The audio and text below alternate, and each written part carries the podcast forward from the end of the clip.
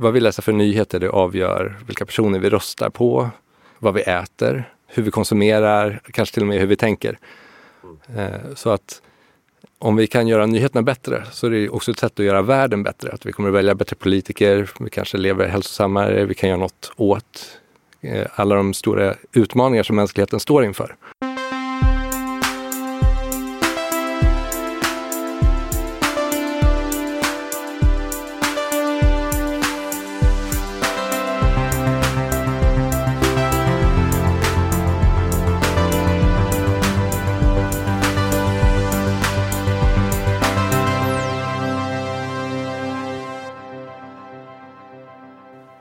Då är vi tillbaka med Heja Framtiden. Jag heter Christian von Essen. Vi spelar in från Helio GT30 i Stockholm. Uh, sitter här med Viktor Lidholt. Välkommen till podden.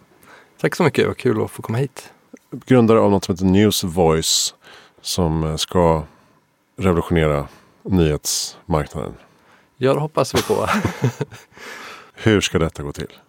Uh, ja, vi, vi vill på newsvoice.com så vill vi demokratisera nyheterna. Så vi använder artificiell intelligens för att samla in massor med olika nyheter från många olika källor. Eh, men sen så är det våra läsare som hjälper till att skriva sammanfattningar på nyheterna och crowdsourca informationen för att få det så objektivt som möjligt. Just det, så det ska bli någon slags uh, Wikipedia-liknande smältdegel där många perspektiv uh, så att säga blandas. Det kan man säga. Jag tycker Wikipedia ändå har visat att det går att crowdsourca den här sortens eh, information på ett bra sätt. Eh, så vi, modellen är inte exakt likadan men det, det är klart att Wikipedia har varit en stor inspiration. Mm. Men de som, och de som eh, bidrar, får de någonting ut av det eller är det liksom av ren eh, nyfikenhet och eh, hjälpsamhet? Ja, det är främst, eh, ja, de får inga, inga pengar för utan det är för att de vill hjälpa till och eh, de kanske ser problemet med nyheterna också och vill hjälpa till och vara en del av lösningen. Mm. Vi kanske ska börja där då, problemet med nyheterna. Vad är det vi har liksom landat i, tycker du, som är problematiskt? Problematiskt är ju eh, om man tittar på, eh, jag bodde i USA ett antal år och vi riktar oss först till USA och där är det ju eh, ett väldigt stort problem med media och man märker också hur upprörda alla man träffar är över hur nyheterna ser ut. Det är väldigt vinklat. Oavsett om du läser Fox News eller CNN så är det väldigt vinklade nyheter. Och vad vi vill göra det är ju liksom samla de här perspektiven och försöka ta bort så mycket av vinklar. Vi vill visa att det finns många olika vinklar på varje nyhet. Men också i våra sammanfattningar då göra det så neutralt som möjligt. Och om man tänker nyheter påverkar ju nästan allt i våra liv. Vad vi läser för nyheter det avgör vilka personer vi röstar på, vad vi äter, hur vi konsumerar, kanske till och med hur vi tänker. Mm. Eh, så att om vi kan göra nyheterna bättre så är det också ett sätt att göra världen bättre. Att vi kommer att välja bättre politiker, vi kanske lever hälsosammare, vi kan göra något åt eh, alla de stora utmaningar som mänskligheten står inför. Så det är en väldigt stor vision. Så. Men jag tror att eh, fixa nyheterna är ett steg på vägen. Mm. Skulle du säga att den här hårdvinklade, liksom polariserade nyhetsvärlden. Har den utvecklats ännu mer i takt med sociala medier och eh, andra typer av ägarskap? Jag vet att ni kom in lite på det i Under 15-podden med Henrik Smolak som du var med också. Men skulle du säga att, att det har accelererat under de senaste 10-20 åren? Eh, ja, eh, jag tror att nyheter i princip alltid har varit vinklade om man tittar på eh, historiskt sett. Det kanske har blivit mer eh, synliggjort nu med sociala medier. Att folk kan ifrågasätta på ett annat sätt vad folk skriver. Eh, men sen så har det också blivit ett större problem. Om man tittar på USA så var det ju för kanske 30 år sedan fanns det många hundra nyhetsorganisationer. Och idag så har de liksom köpts upp av varandra och nu är det typ fem, sex stycken kvar. Så det har ju såklart bidragit också att det blir ju mycket mer polariserat och det är väldigt få stora jättar som äger nästan hela nyhetsmarknaden. Mm. Och så tvåpartisystem på det. Ja, precis. Det är ett problem i sig om man tittar liksom på det politiska systemet. Men det är också ett stort problem att de här nyhetsorganisationerna kanske har en agenda. De har både en politisk agenda, de sponsrar politiker en del av de här nyhetsorganisationerna ägs av företag som också tillverkar vapen och det känns ju som en ganska så här eh, oskön kombination rent Mm. spontant. Men, sen, men det är väl ett problem generellt att, att människor är så bekväma att man vill ha, man blir serverad den cocktail som man vet att man gillar på något sätt. Alltså egentligen så borde man ju hela tiden sträva efter att läsa den andra sidans nyheter eller eh, få få in fler perspektiv. Men det är inte riktigt så man funkar i vardagen. Man vill ha sin DN eller Svenskan beroende på vilken eh, sida av det politiska spektrat man står. Ja, det kan kännas bättre att läsa sin sida, men jag tror att om du frågar de flesta människor så skulle de nog säga att de vill ha så neutrala nyheter som möjligt. Eh, och sen så kanske Ja, vi... säger det. Ja, precis. Men då blir det ju lätt att välja en nyhetskälla där man, där man får det. Eh, och sen så tror jag också att de kanske, man kanske väljer vilka nyheter man fördjupar sig i och vilka sidor man fördjupar sig i. Men jag tror det är väldigt, vi gör det väldigt lätt att se ett annat perspektiv. Sen kanske du inte läser Fox News-artikeln varje gång, men att se den där och kanske någon gång klicka på den. Och, och det ger ändå en förståelse tror jag för varför gillar folk Trump. Om man bara läser DN i Sverige så är det väldigt svårt Mm. och förstå varför blir Trump vald. Men om man läser lite Fox News så får man ändå en förståelse för varför vill Mm. folk ha honom. Precis. Och, och ni kallar det ju uh, unbiased news. Det är ju ett bold statement som man så att säga. Vad är unbiased?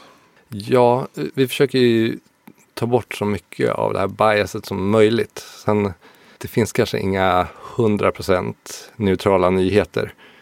Alla skriver sina nyheter genom ett filter som är deras erfarenheter och så här. Men Mm. ju fler människor som hjälps åt, desto mer kan man ta bort den politiska färgen ur en nyhet. Så att eh, det har vi gjort väldigt enkelt att eh, många kan hjälpas åt. Och, Mm. och ser man någonting som, är, som känns icke-neutralt så kan man gå in och redigera det. Men vi har gjort det såklart på ett kontrollerat sätt så att det är liksom inte vilda västern för nyheter utan det är en kvalitetskontroll där också. Ja, just det. Men är det fortfarande alltid människor som skriver eller har ni börjat med AI-tester också? Eh, vi har alltid människor som skriver. Mm. Och om man tittar, nu har vi så här eh, amerikanska inrikesnyheter, världsnyheter, teknik och så. Och varje dag så är det ju inte jättemånga toppnyheter, det är ju kanske ett par hundra. Eh, så det är inte så mycket för om man har många användare som hjälper till och, och täcka. Just det, men hur funkar det? Vem kommer med grundartikeln så att säga? Precis, där använder vi en kombination av artificiell intelligens då. Så vi har ett eh, system som skannar av tusentals nyhetssajter och analyserar texterna och kategoriserar dem och sätter ihop dem till nyheter. Så man får de här olika perspektiven då från många olika sajter. Men sen så är det, våra läsare kan också lägga till saker som har missat, fixa saker som har blivit fel. Så jag tror att eh, artificiell intelligens är ju superbra på många sätt. Men det är också någonting som eh, man kanske inte ska förlita sig på till 100 procent. Utan det är bra, tror jag, att blanda in eh, en komponent av mänsklighet i systemen också. Du anlade ju det här perspektivet när du jobbade på Google. Du började någonstans Precis. fundera på det, eller? Jag, jag har funderat på det här i väldigt många år. Mm. Eh, och sen så redan innan, jag, redan innan jag flyttade till USA så var ju det, jag har alltid varit intresserad av att läsa olika perspektiv. Så, och, och se vad är liksom den andra sidan av den här storyn. Och när jag flyttade till USA så blev det ju också, så såg man liksom i first hand hur uppdelad nyhetsmarknaden var och också hur upprörda folk var r- runt nyheterna. Så att det var väldigt spännande att börja utforska den idén mer. Men det, det var ju helt i mitt huvud tills eh, jag slutade på Google och så startade jag det här och kört på det 100 procent. Hur kom du in på Google från början? Eh, oj, det är en lång historia. Men eh, jag började programmera när jag var typ 12 år Mm. och då var det ju spel som jag ville jobba med. Eh, så jag jobbade på ett stort spelföretag i Stockholm eh, och var deras lead developer på eh, mobilspel. Så tänkte jag att det tog oss väldigt lång tid att bygga de här spelen. Så jag gjorde ett verktyg för att bygga mobilspel. Och det funkar bra för oss. Jag la ut det bara gratis på nätet. Det var kanske ett par helger och kvällar som jag jobbade på det där. Och sen så började ett par av världens största spelföretag använda det för att bygga sina spel. Så det var ju rätt häftigt. Jaha. Så ett av dem, Zynga då, som gjorde bland annat Farmville, som ju var då världens mest spelade spel. Började använda mitt program. Så de flög över mig på en intervju till San Francisco och sen så fick jag, ja, de dubblade min lön och eh, fick jobba med mitt hobbyprojekt så det var en bra deal. Så jag flyttade till USA. Ja, så du fick fortsätta utveckla din, din plattform där? Precis. Aha. Och sen så äh, fick jag ett erbjudande från en startup också i San Francisco för att alla deras kunder använde mitt program. Så jag flyttade dit. Och det var ju superspännande tid. Jag eh, fick göra massa föreläsningar. Eh, det var bland annat på MIT, UC Berkeley, Carnegie mm. Mellon. Eh, för de använde då mitt verktyg i sin, sina spelutvecklingskurser. Aha, okay. Men så fick de tyvärr slut på pengar som startups ibland får. Så då sålde de mig till Google. Så, så hamnade jag där. Så Just det. Det var, det var inte mitt första val, men det var ju såklart superspännande. Vad fick du göra på Google? På Google så jobbar jag med deras nya ramverk för att bygga appar som heter Flutter. Och det var jättespännande att se det inifrån. Eh, och, och kul, utmanande arbete verkligen. Mm. Hur ser du på Google som arbetsplats? Då? Vissa pratar om att det är en golden cage, att man blir, eh, det är svårt att ta sig ur för att det är så bekvämt och härligt att vara där inne. Man blir lite isolerad från omvärlden. Jag tror att förmodligen så allt jag hört om Google är nog sant. Men mm. eh, jag tror att det är så för många. Jag pratade lite med en del arbetskamrater när jag hade sagt upp mig och de var ju de är ju på sätt och vis fast där för att i USA så dels så har de ju jättedyra villor runt om i Silicon Valley som mm. kostar mycket pengar och sen så ger Google bra sjukförsäkring som täcker deras familj och så här. Så det är väldigt svårt att byta av de anledningarna. Att du kan liksom kanske inte hoppa på en startup för att eh, ja, hur ska jag göra med sjukförsäkringen för din fru och dina barn ja, och så vidare, även om de kanske kan betala pengar. Eh, så så det, det är väl sant till viss del, men samtidigt så är det ju det är, ett eget val liksom och hur mycket pengar man vill, är villig att liksom spendera mm. för att bo och så vidare. Det är bekvämt att jobba där på många sätt. Jag intervjuade Filip Syta i något annat sammanhang. Eh, han jobbade på Google i Irland. Men eh, eh boken handlar om San Francisco, Silicon Valley. Um, han beskriver någon slags punkt då han inser att det här inte är friskt. När eh, de får ju mat då varje dag eh, hela tiden serverat. Och en kollega sitter i frukostbuffén och bara Vad fan har de skurit melonen så här för? Och då börjar han känna så här Oj, det här, det här är folk som aldrig kommer lära sig tvätta sina egna kläder eller laga sin egen mat. För alla i 20-årsåldern och blir liksom omhändertagna av stora mamman. Japp, eh, lite så är det ju. alltså problemen som folk hade, det är så här, jag hade en arbetskamrat som var så upprörd för att restaurangen som han brukade gå till på morgonen för att få sin gratis frukost, de, hade, de serverade nu bara bacon två dagar i veckan. Ja, men du ser, det är samma. Ja, det, det, var liksom hans största problem den dagen hur skulle han få sin morgonbacon? Behöva gå liksom ett par kvarter till till någon annan av restaurangerna. Ja, det är rätt kul. Man kan, man kan ju tänka sig att eh, serien eh, Silicon Valley inte är så jättelångt ifrån eh, sanningen ibland. Jag älskar ju den serien. Men, ja, det är lite som en dokumentär av mitt liv som jag hade där faktiskt. Den är, jag tror, närmare sanningen än många tror. Mm. Verkligen.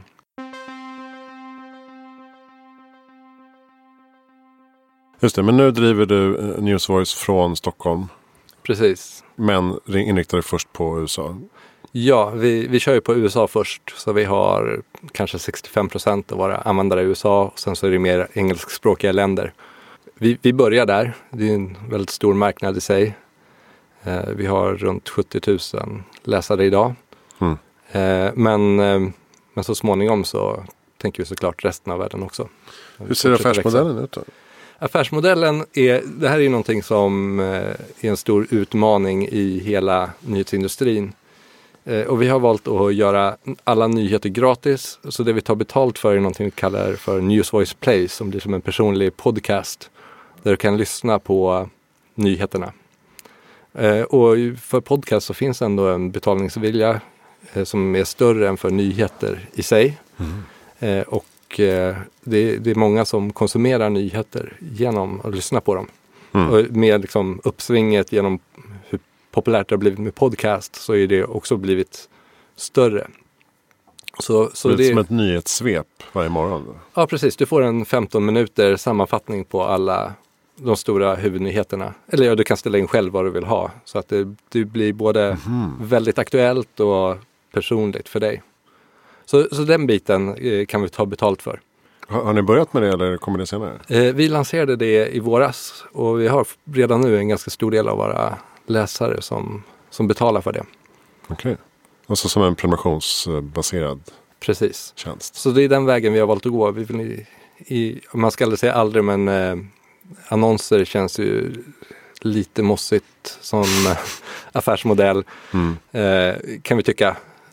Så det här känns mycket, mycket bättre och det är kul att se att folk betalar för det. Mm, just det. Så att om jag klickar i då att säga, ja men jag vill prenumerera på ljud. Vad betalar jag då? Eh, det finns en liten range hur mycket du kan betala men eh, de snittar på ungefär eh, är det 7-8 dollar i månaden. Ja. Och hur ofta får jag den? Eh, så ofta du vill. Så, så ofta du trycker på play-knappen så får du liksom senaste. Jaha, då kommer det nytt hela tiden. Precis. Oj. Ja. Eh, så, så det är någonting vi kan göra. Det låter rätt beroendeframkallande egentligen. Ja, vi hoppas ju på det.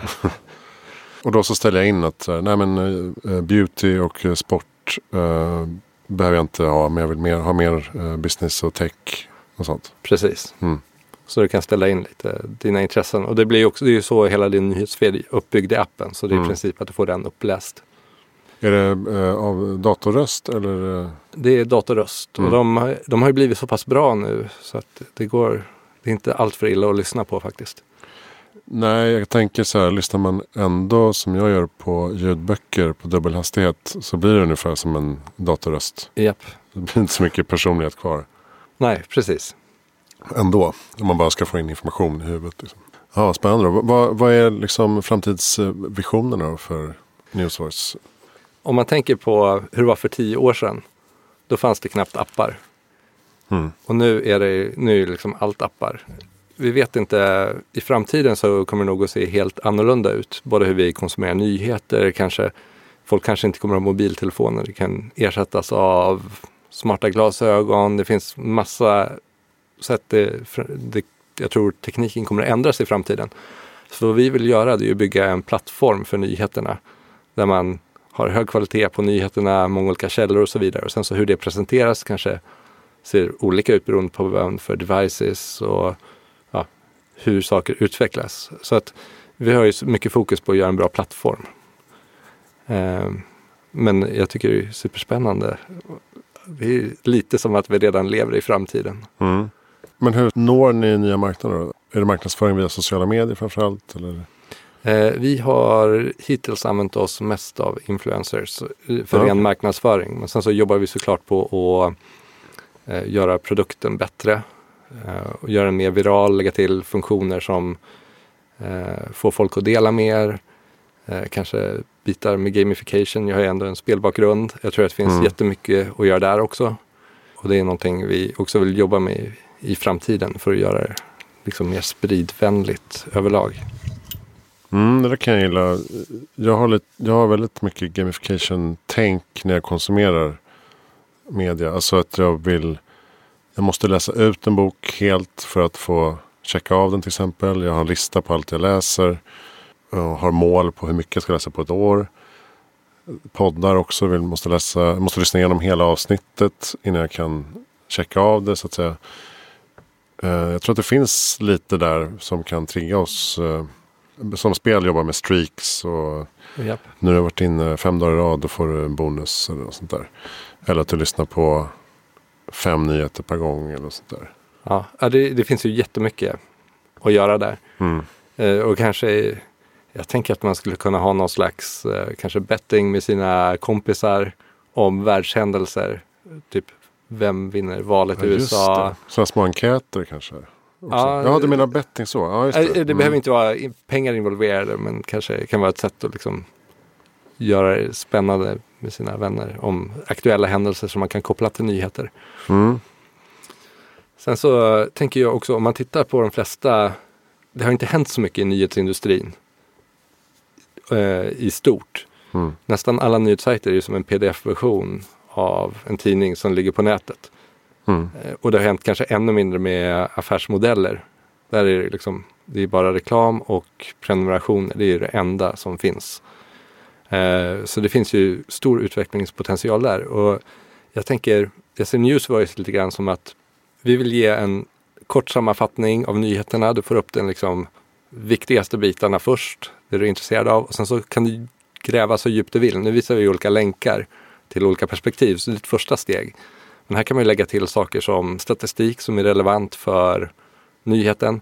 Säg att du läser om ett mord i Stockholm. Då vore det superintressant att se hur ser mordstatistiken ut senaste 20 åren? Är det här något jag ska vara orolig för eller är det, ja, det var liksom en eh, olycklig händelse men det, det är inget som är ett stort problem. Mm. Eh, men det kan också vara saker som faktacheckar, att man gör tidslinjer runt nyheter så att du kan få upp information om om du läser en konflikt, får liksom sammanfattning av vad har hänt senaste Mm. året, vilka var huvudhändelserna och så vidare. Så att, Bygger eh, lite kontext.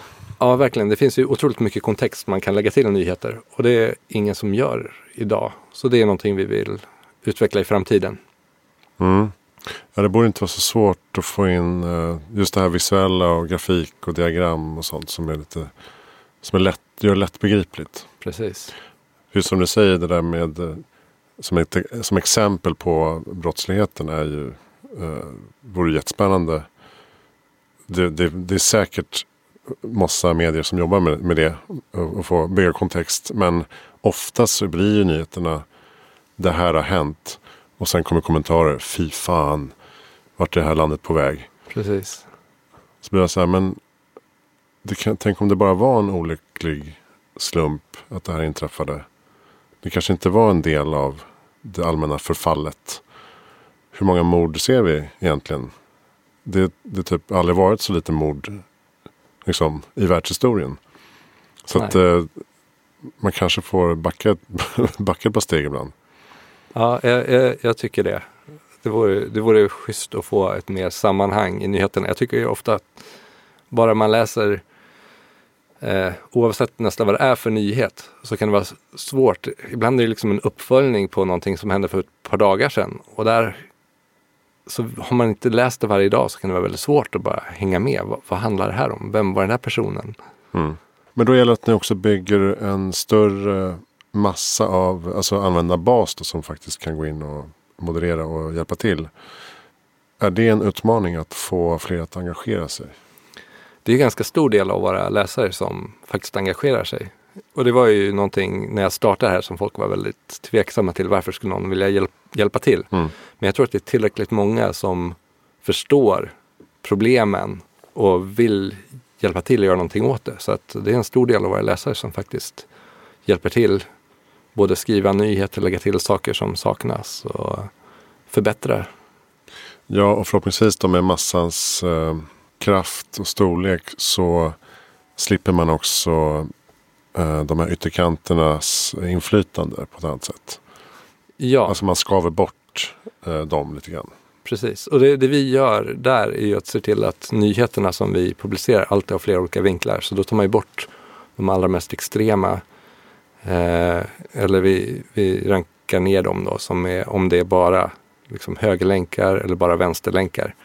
Och det är oftast där man också hittar kanske saker som är på gränsen antingen fake news eller liksom i gränslandet till att Mm. vara väldigt vinklat.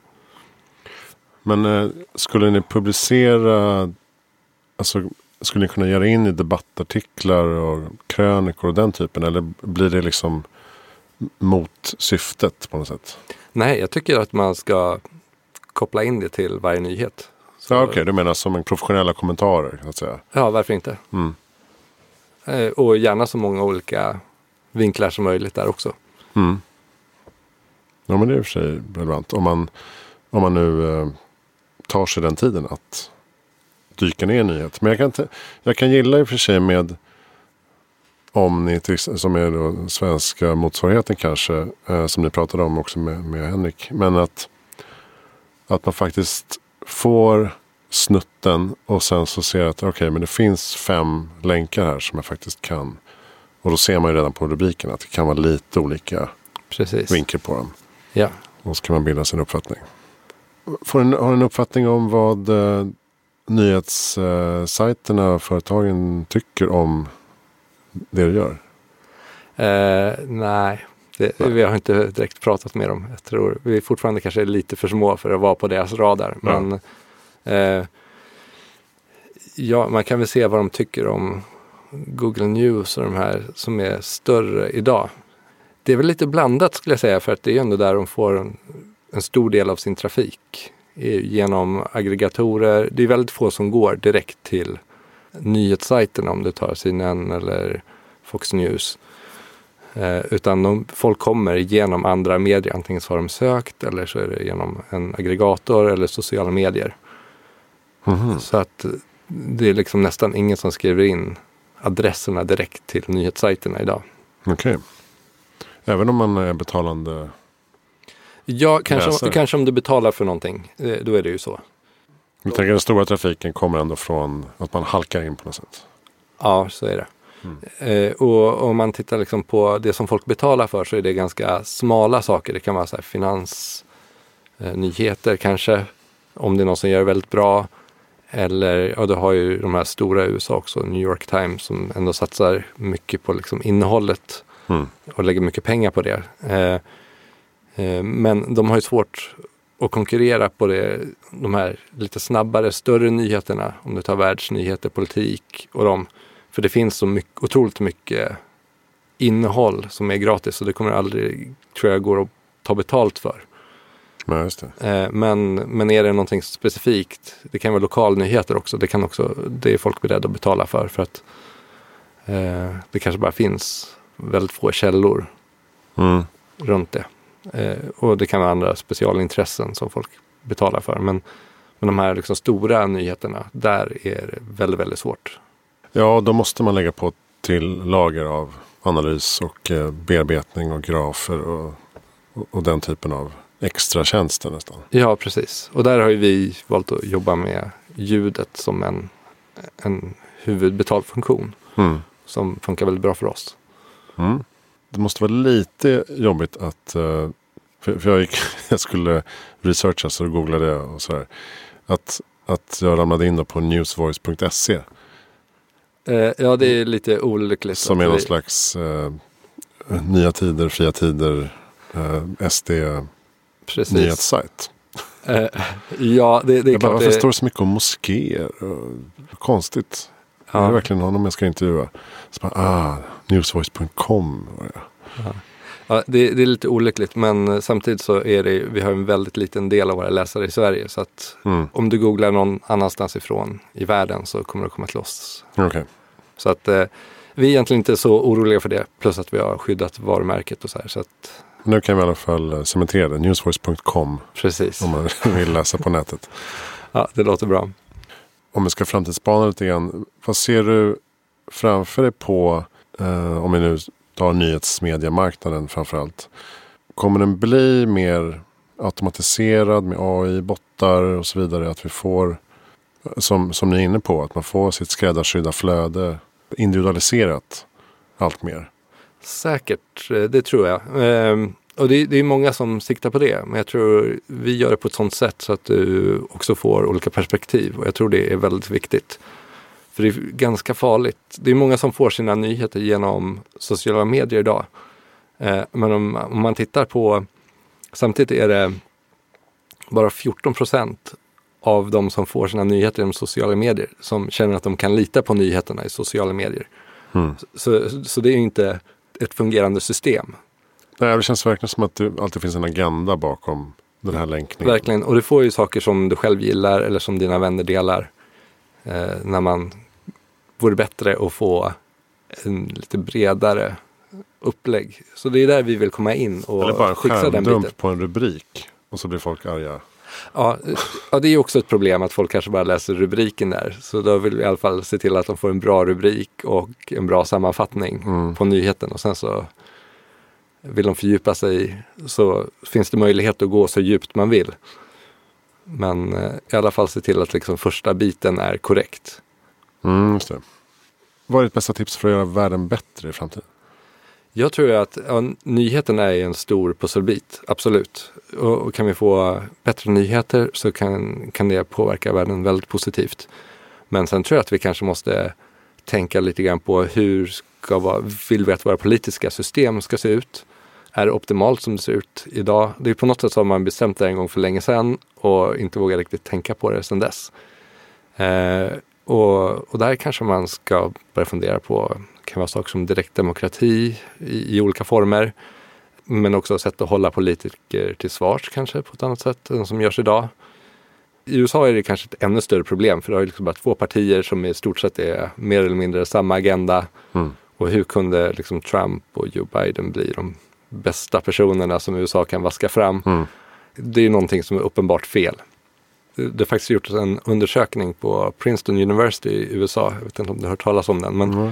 där har de under, kollat på eh, olika frågor eh, och kollat opinionsläget i de här frågorna under 20 års tid. Så det är liksom många tusen olika frågor som har varit på agendan. Mm. Och så har de jämfört det med sannolikheten att de blir stiftade till lag. Och det finns ingen korrelation mellan hur många amerikaner som vill no ha någonting och om det faktiskt blir en lag. Så då är frågan om det är en demokrati. Så ett exempel är ju typ sjukvården. Eh, nästan alla amerikaner vill ha universal health care. Men mm. det är fortfarande inte verklighet. Vapenlagstiftning? Ja, säkert krig, alla de här grejerna också. Eh, men det visar ju på att kanske systemet måste göras om. Och att man måste våga tänka lite på det. Jag tror att den ser säkert bättre ut i Sverige för det finns ju större valmöjligheter ändå. Det, det är liksom många fler partier och så. Men eh, jag tror ändå att det är värt att fundera på hur, hur kan man göra de här systemen bättre? För har, mänskligheten har ju ändå ganska stora utmaningar framför sig med klimatförändringar, miljöförstöring. Ja, det är många olika saker eh, som vi säkert, om vi verkligen satsade, skulle kunna lösa. Så ja, frågan är väl hur konstruerar man system så, så man kan lösa det? Och jag har väl kanske inget direkt svar, men jag tror att det vore bra att också ta upp de bitarna i debatten. Men det var ju tur att eh, Trump kom in och drained the swamp. Eller hur? Ja. Uh, han, fix, han fixade det. Han, ja, mm. allt är klart. Allt blir bra. Du lämnade USA? Jag lämnade faktiskt precis innan han blev president och det känns mm. ganska skönt kan jag tycka. Mm. Du behövde inte bära den skammen i alla fall. Nej, men sen så tror jag att det är inte så stor skillnad egentligen på vem som sitter Nej. som president. Det är, eh, om man tittar under Obama-perioden så var det också 90 procent av amerikaner fick det ekonomiskt sämre ställt till mm. exempel. Mm. Inte så många som vet. Eh, om man tittar liksom på kandidaterna som fanns i förra valet med Hillary och Trump så var ju kanske Hillary lyftes ju fram som ett väldigt bra alternativ i Sverige men om man eh, pratar med mera kanske progressiva i USA så var ju de inte alls nöjda för att hon har jobbat mot gay-rättigheter. Hon hjälpte till att driva igenom alla USAs krig. Mm. Hon är för dödsstraff. Sådana saker som vi kanske inte har. Ja, då, då blir det pest eller kolera. Liksom. Eh, lite så är det ju. Eh, så det måste ju till något nytt system. Tror jag. Mm.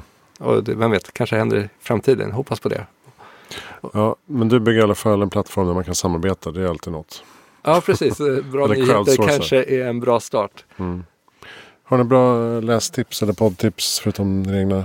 Ja, jag lyssnade på en superbra podd alldeles nyligen. In the Dark, andra säsongen. Det är så här true crime, men eh, superspännande och har en ändå så här skön avslutning handlar om en svart kille som har blivit dömd. Eh, jag tror han, hans rättegång togs om sex gånger.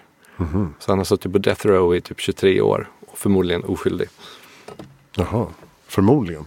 Alltså det, det, vi vet inte ännu? Vi vet inte ännu, men eh, om man får tro den här eh, podcasten så är det ju så.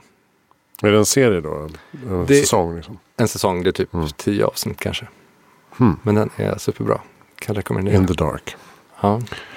Bra. Vem tycker att jag ska intervjua? Jag tycker du ska intervjua eh, Max Tegmark. Mm. Eh, som forskar på MIT om fake news och artificiell intelligens. Jag, tror, jag skulle tycka det var superspännande att höra hans perspektiv på det här. Mm. Han är inte i stan så ofta men uh, nu kanske... Jag, jag inser nu att jag måste börja med distansintervjuer. Förr eller senare. Ja, det kanske är som med hela coronagrejen. Ja, för att tidigare har jag fått komma på massa spännande eh, konferenser där det är roliga talare i Stockholm och sådär. Och nu har allting varit inställt. Så att eh, det blir mycket mindre damm att plocka från. Så att säga.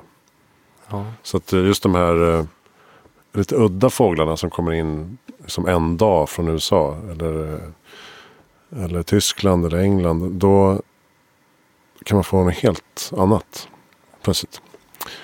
Eh, så det är min utmaning tror jag. Apropå att få in fler perspektiv. Att eh, börja kontakta. För jag tror att just i de här tiderna så är ju folk så vana vid att ändå sitta vid datorn och så här. Ja men jag har ett Zoom-möte. Då kan man lika gärna boka in en podd på en halvtimme. Uh, med någon snubbe från Sverige. Och så, så, absolut. Så man kan nog få ett bra namn om man bara det anstränger sig lite. Det tror jag absolut du kan få. Bra, då kör vi på det. Då var vi ganska klara. Tack snälla Victor Lidholt för att du kom till eh, Heja Framtiden. Tack så mycket, jättekul att få vara här. Ja, och eh, ladda ner Newsvoice-appen eh, i App Store eller Google Play. Ja. Eh, newsvoice.com på hemsidan om du vill kolla in det. Och eh, testa tjänsten att eh, lyssna på nyheter. Som är skräddarsydda för dina öron. Ehm, um, Hejaframtiden.se, där hittar du alla andra avsnitt. Och eh, vad jag gör med eh, den här plattformen och konceptet. Eh, läs boken som heter Vad händer nu med framtiden? 20 visioner om Sverige efter Corona. Så kanske vi får eh, tillfälle att ses i någon sammanhang med föreläsning eller moderatorskap framöver. Eh, tack för att du lyssnar.